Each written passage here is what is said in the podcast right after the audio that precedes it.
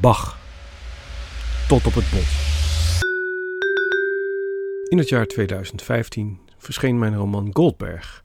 Die gaat over de beroemdste leerling van Johann Sebastian Bach. Veel mensen denken dat ik het macabere hoofdstuk over het opgraven van het gebeente van Bach in de 19e eeuw heb verzonnen. Maar het is echt gebeurd.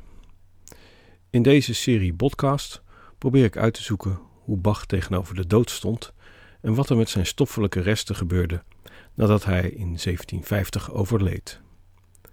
Ik was van plan naar Leipzig af te reizen, maar corona verhindert dat en uiteindelijk beland ik, op nog geen kilometer afstand van mijn huis, op een plek waar alle verhalen over Bach en zijn gebeente samenkomen. Mijn naam is Bert Natter. Dit is Bach tot op het bot. Podcast 7. Solliciteren. Voor we ons over twee podcasts daadwerkelijk bezig gaan houden met de dood van Bach in 1750 en wat er daarna gebeurde, wil ik even terug naar 1723. Dankzij het boek dat Maarten het Hart over Bach schreef, kwam ik een paar jaar geleden op het spoor van de uitstekende biografie van Bach die wijlen Peter Williams schreef. De bekendste biografie van Bach is ongetwijfeld die van Christoph Wolff, die in het jubeljaar 2000, Bach 250 jaar dood, verscheen als Bach, The Learned Musician. Wolff concentreert zich zoveel mogelijk op concrete feiten en documenten, en daarmee is het een interessant, maar soms ook wat droog boek. Zelden vraagt Wolff zich af wat Bach op een zeker moment zal hebben gedacht of gevoeld omdat we dat eenvoudigweg niet kunnen weten. Een andere bekende biografie verscheen 13 jaar later en werd geschreven door de beroemde dirigent John Elliott Gardiner. De titel is Music in the Castle of Heaven. De dirigent ontpopt zich in deze nog dikkere biografie dan die van Wolf als een meeslepend verteller. De nadruk ligt uiteraard op het leven en op de vocale werken van Bach. Een paar jaar na het boek van Gardner kwam Bach, een musical biography van Peter Williams uit. Net als de eerder genoemde boeken het resultaat van tientallen jaren studie naar Bach. Dit boek is misschien wel het meest diepgravende, zeker als het gaat over de klaviermuziek van Bach. Ook neemt Williams de tijd om, als het ware, om zich heen te kijken en soms heeft hij het lef om iets te veronderstellen. Williams kiest ervoor om de necrologie, die vier jaar na de dood van Bach werd geschreven door onder meer een van diens zonen, als uitgangspunt voor zijn biografie te maken. Die zoon was Carl Philipp Emanuel Bach, werkzaam aan het hof van Frederik de Grote. We staan nu even stil om wat muziek van hem te beluisteren.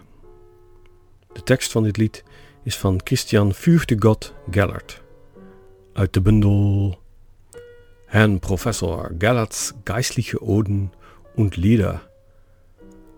Gellert was een gevierde letterkundige die we verderop in deze podcast nog tegen zullen komen. Zijn gebeente althans.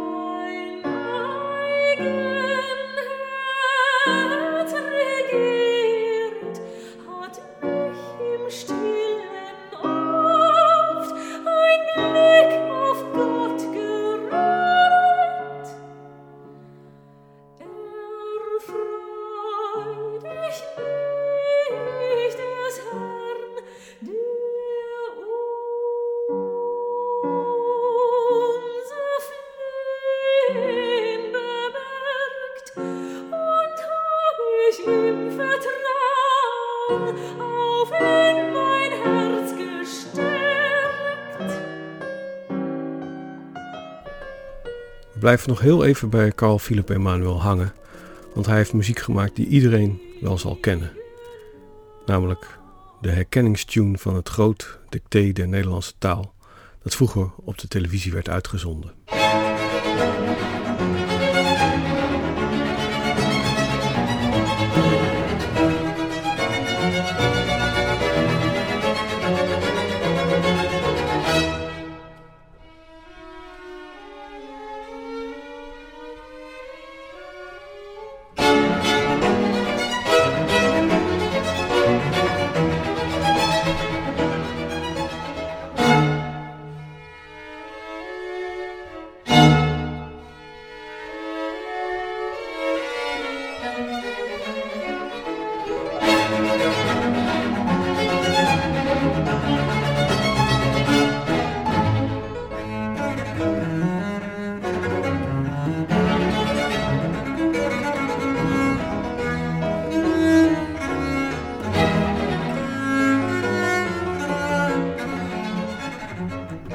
Terug naar Papa Bach. Over een van de aspecten, die hij maar kort behandelt in zijn dikke biografie, schreef Peter Williams een langer artikel voor de Newsletter of the American Bach Society. Het gaat over het lijdensverhaal van Jezus en het focust op het volgende punt. In feite wordt Christus op Goede Vrijdag in het openbaar terechtgesteld. Williams suggereert dat het bijwonen van een dergelijke executie voor ons nogal ver van ons bed is, maar dat dit voor Bach en zijn tijdgenoten zeker niet het geval was. Voor ik daar meer over kan vertellen, want dat doe ik in de volgende podcast, wil ik me even concentreren op de sollicitatie van Bach in Leipzig. In 1723 solliciteerde Bach bij het stadsbestuur van Leipzig als kantor van de Thomasschule, een muziekschool. Het was een beslissing die zijn leven zou veranderen en ook, denk ik wel, de muziekgeschiedenis. De kantor was de derde man in de hiërarchie van de Thomasschule en hij resorteerde onder de rector en de conrector. De kantor was belast met het onderwijs van de jongens op de school. Ze moesten niet alleen leren zingen en één of meerdere muziekinstrumenten leren beheersen, maar kregen ook lessen in vakken als grammatica en Latijn. Het is misschien goed om even te vertellen dat op een enkele kantaten na Bach exclusief voor mannen stemmen schreef. De sopranen en alten waren jongens tot de leeftijd van een jaar of zestien. Naast zijn onderwijstaken hield de kantor toezicht tijdens de maaltijden en hij was ook verantwoordelijk voor de slaapzalen. De kantor woonde dan ook in het schoolgebouw met zijn gezin. Het was een redelijk betaalde en gewilde positie. De kantor was verantwoordelijk voor de muziek in de vier belangrijkste kerken van de stad, waaronder de Thomaskirche, die naast de school stond. Hij had de beschikking over de kinderen van de school en muzici die op de loonlijst van de stad stonden. Daarnaast was de kantor verantwoordelijk voor de muziek die bij allerlei officiële gelegenheden in de stad werd gespeeld. Zoals u hoort was het een zware baan. Ik denk dat je als kantor van de Thomas Kierke weinig tijd voor iets anders had. Het Engelse ensemble de Bach Players, dat onder leiding staat van de Nederlandse violiste Nicolette Monen, nam in 2013 een mooie dubbel-CD op onder de titel Bach and His Rivals, waarop de muziek ten gehore wordt gebracht van Bach en de andere sollicitanten die in 1723 auditie deden. Eind 1722 mocht eerst Georg Philipp Telemann auditie doen. Het stadsbestuur had hem gevraagd om te solliciteren. Hij was toen al een grote beroemdheid.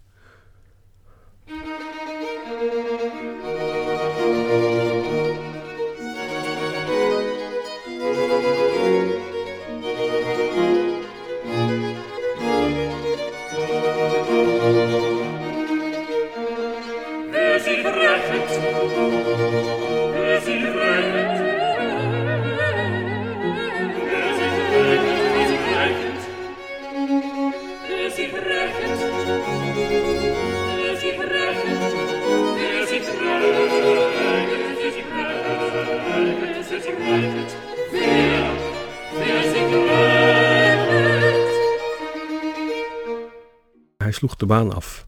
Hij had ook helemaal geen zin om die snotjongens ook nog Latijn bij te brengen. Hij wilde zich concentreren op zijn muziek. En vermoedde dat hij veel te weinig tijd over zou houden om andere dingen te componeren dan wat nodig was voor deze baan. Begin 1723 meldde zich Christoph Graupner. Voor veel mensen nu waarschijnlijk een onbekende, maar qua productiviteit deed hij bepaald niet onder voor Bach. Hij zou zo'n 1500 kantaten schrijven.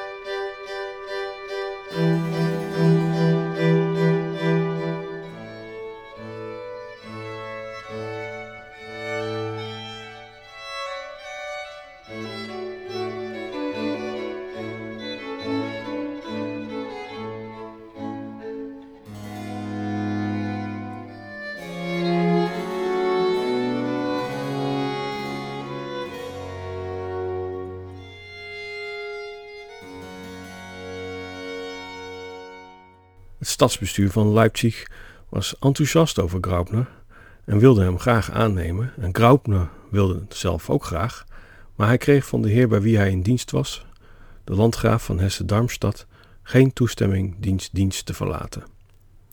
Het is goed om te weten dat muzici in die tijd een soort lakai waren. Een generatie later was het nog de grote angst van Mozart om een soort muzikale lakij te worden. Een soort halve lijfeigene, zoals Graupner dus was geweest, die niet eens zelf mocht kiezen wat hij ging doen. De volgende sollicitant was Bach. En die had inmiddels ook al een akkefietje met zijn broodheer achter de rug. Namelijk toen hij na jaren trouwe dienst bij Willem Ernst, hertog van Saxen-Weimar, in 1717 had aangekondigd voortaan aan het hof van prins Leopold van Anhalt-Köthen te zullen gaan werken. Nadat hij dat had aangekondigd, werd hij prompt gevangen gezet. Daar is ook een verslag van. Op 6 november 1717 werd de heer Bach, voormalig organist en concertmeester, veroordeeld tot een verblijf in de gerechtelijke gevangenis voor het onbeschaamd en koppig afdwingen van zijn ontslag. Op 2 december is genoemde vrijgelaten en heengezonden met de mededeling van oneervol ontslag. Zes jaar zou Bach aan het hof in Keuten werken, dat Calvinistisch was en niet Luthers. Dus daar werd geen uh, muziek in de kerk gespeeld, althans niet de muziek van Bach. En hij kon zich daar beperken tot het schrijven van wereldlijke muziek, concerten en sonates en solo, solowerken. En uh, hij moet er honderden hebben geschreven, maar het hele archief van het Hof in Keuten is uh, verloren gegaan. Dus we hebben maar heel weinig van die muziek over. Een handvol resten zou je kunnen zeggen. Maar wat een handvol.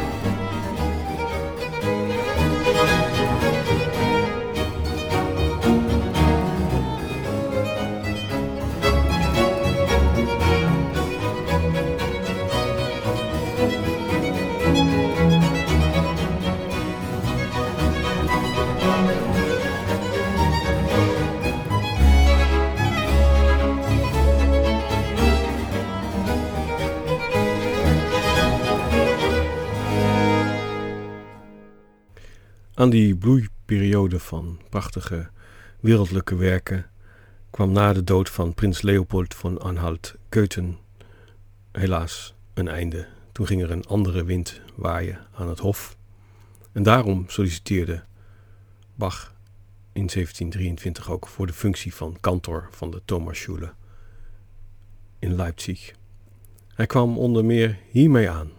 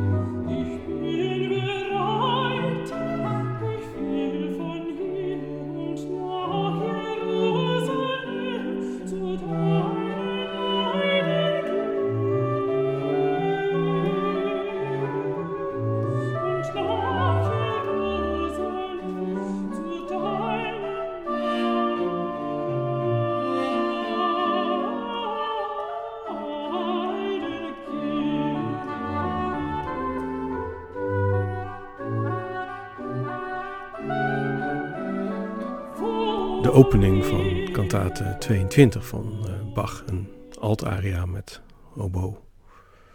En nadat het stadsbestuur van Leipzig eerst Telemann niet had kunnen verleiden en vervolgens de broodheer van Graupner niet had weten te overtuigen, deed Johann Sebastian Bach in februari 1723 dus auditie en accepteerde hij in april van dat jaar de veeleisende functie. Het zouden als we kijken naar wat er van zijn oeuvre rest, misschien wel zijn vruchtbaarste jaren worden. Ja, hij schreef in die jaren het grootste gedeelte van zijn cantates. En ook schreef hij daar voor Leipzig de twee grote passies die we nog hebben, de Johannes Passion en de Matthäus Passion.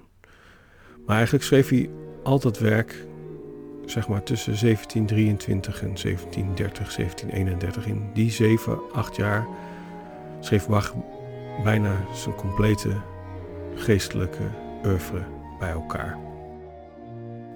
Deze kantate, nummer 81, schreef hij nou ja, binnen een jaar nadat hij was aangenomen. Onderwerp is de boottocht van Jezus en zijn discipelen over het meer van Galilea. Jezus valt in slaap. Als het begint te stormen, worden zijn volgelingen doodsbenauwd maar Jezus snurkt rustig door. Als dat maar goed gaat.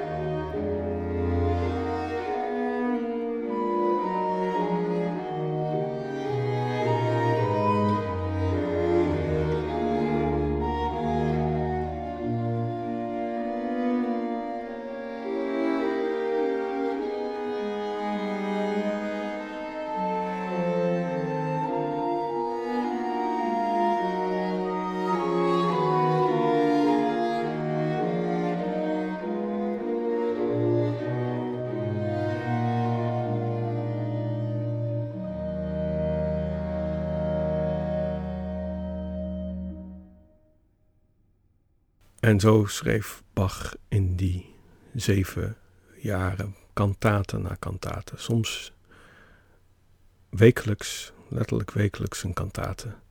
Ongelooflijke productie en een ongelooflijk corpus aan prachtig werk. Het is overigens zo dat hij daar helemaal niet toe was verplicht. Het was helemaal niet, hoorde helemaal niet bij zijn taakomschrijving. Ik schrijf elke week een nieuwe kantate. Uh, want er was gewoon voldoende muziek aanwezig om elke zondag muzikaal op te luisteren. De dienst elke zondag muzikaal op te luisteren. Maar het was Bachs persoonlijke ambitie om een soort neue Kirchmuziek te ontwerpen. En het idee dat Bach een soort bescheiden, vrome componist was, dat kun je ook wel laten varen als je ziet wat een enorme ambitie hij had om elke week maar weer zo'n veel eisende kantaten op de lessenaar te krijgen, die eigenlijk te moeilijk was voor zijn muzici en die de gemeente vaak boven het hoofd vond, uh, ging eigenlijk. En over de hoofden van de gemeente werd gezongen en gespeeld. Die waarschijnlijk ook genoeg hadden genomen met nou ja, de bestaande werken van Kuhnau of de op dat moment heel populaire werken van Telemann tijdens die dienst. Maar Bach wilde iets heel nieuws neerzetten, iets heel groots. En hij was dus een bijzonder eerzuchtig man in muzikaal opzicht.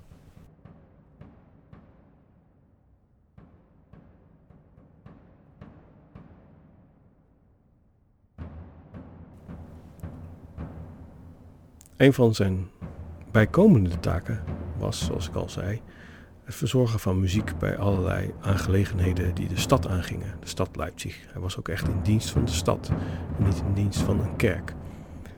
En over dat aspect van Bach vertel ik graag in de volgende podcast als ik het ga hebben over de openbare executies in Leipzig. Kan het misschien wat zachter? Dank u. Bedankt voor het luisteren. Bach. Tot op het bot. Deze podcast is tot stand gekomen dankzij een ontwikkelbeurs van het Nederlands Letterenfonds en Preludium, muziekmagazine van het Concertgebouw en het Concertgebouw Orkest.